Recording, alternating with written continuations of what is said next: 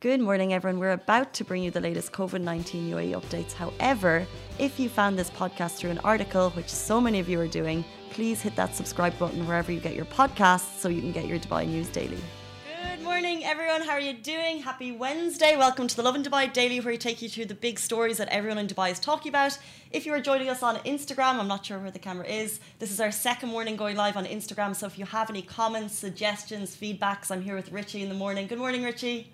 Good morning. Good morning. And we'd love to hear your thoughts and feedback. The Lovin Daily, we take you to the top stories. Today, we're going to be talking about the fact that there is suggested guidelines for gyms to reopen, which I know a lot of you are going to be interested in. Also, the fact that malls have specific guidelines for age. But the top story today was one that broke yesterday evening. A massive, uh, kind of devastating fire erupted in a residential tower in Sharjah uh, yesterday evening. You probably saw the videos on social media last night. Like I said, this was a residential shower, uh, excuse me, tower in Nahda, Sharjah. It was engulfed in flames on Tuesday evening. In total, seven injuries were reported and no casualties, um, which is great to hear. The fire at Abbco Tower broke out at 9 p.m. All residents were evacuated to a nearby building, according to reports, and authorities actually managed to reach the blaze in four minutes and they used drones to ensure that no one was left inside the tower, uh, which is incredible. As always, uh, shout out to the authorities who managed to reach the, reach the blaze in, um, uh, in such a short time. The videos share, shared on social, like I said, they're kind of heartbreaking to see. Um, a lot of people were worried in the videos that we shared and the article that we shared. A lot of people uh, were just asking um, if the people in the residential tower are okay. So we are delighted to report that there were seven minor injuries and no casualties, like I said. Um, so we'll move on to our next story. Kids below 12, this is one for parents, um, kids below 12 and also adults above 60 years are not allowed to enter malls. So the gradual uh, reopening of malls has begun, but authorities have made it clear that restrictions still apply, uh, precautionary measures are still being rolled out, and this is one of them. So, as part of the kind of wider precautionary measures of the reopenings, the National Emergency Crisis and Disaster Management Authority and Ministry of Health have stated that people over the age of 60 and children under 12 are prohibited from entering shopping malls, cooperative societies, supermarkets, or retail stores located outside shopping centres.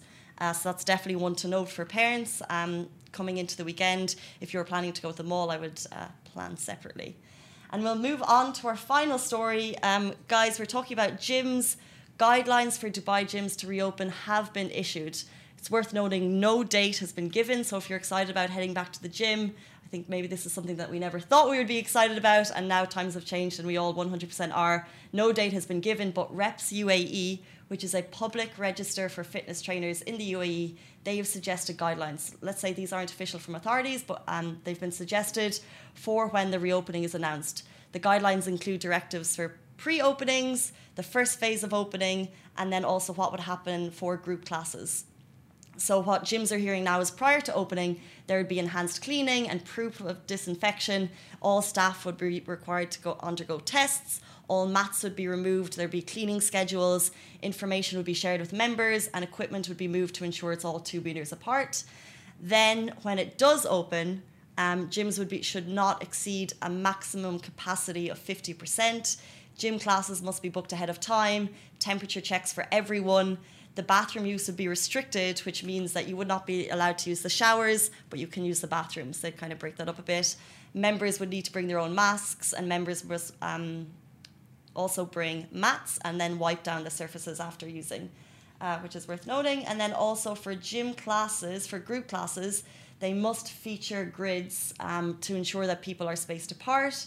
Um, yeah, I think that's kind of the majority of it. Studio would be disinfected after each class and participants must be gym goers must be between two meters between each.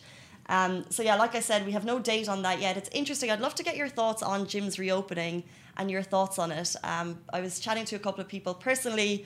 I would be quite excited to get back, just even for the social element. Um, but I was talking to a couple of people yesterday who said that now, with gyms closed, you see how possible it is to get into online workouts um, IG lives have become so popular. There's a lot of kind of fitness influencers, fitness um, trainers, even doing IG lives. There's also Zooms going on, and you might may question the price of the gym. But uh, personally, I think the social part of it, getting back to it, and also just kind of breaking up that home life to get back into the gym is exciting. I would definitely love your thoughts on that. Personally, yeah, I just miss the human interaction of people. Um, so I can't wait for that date, and if we get it, we will uh, bring it out to you. Like I said, we're seeing kind of the rollout at the moment. We have restaurants open at 30% capacity. We have malls open. Uh, supermarkets, of course, have remained open the whole time. And we'll bring you more on that.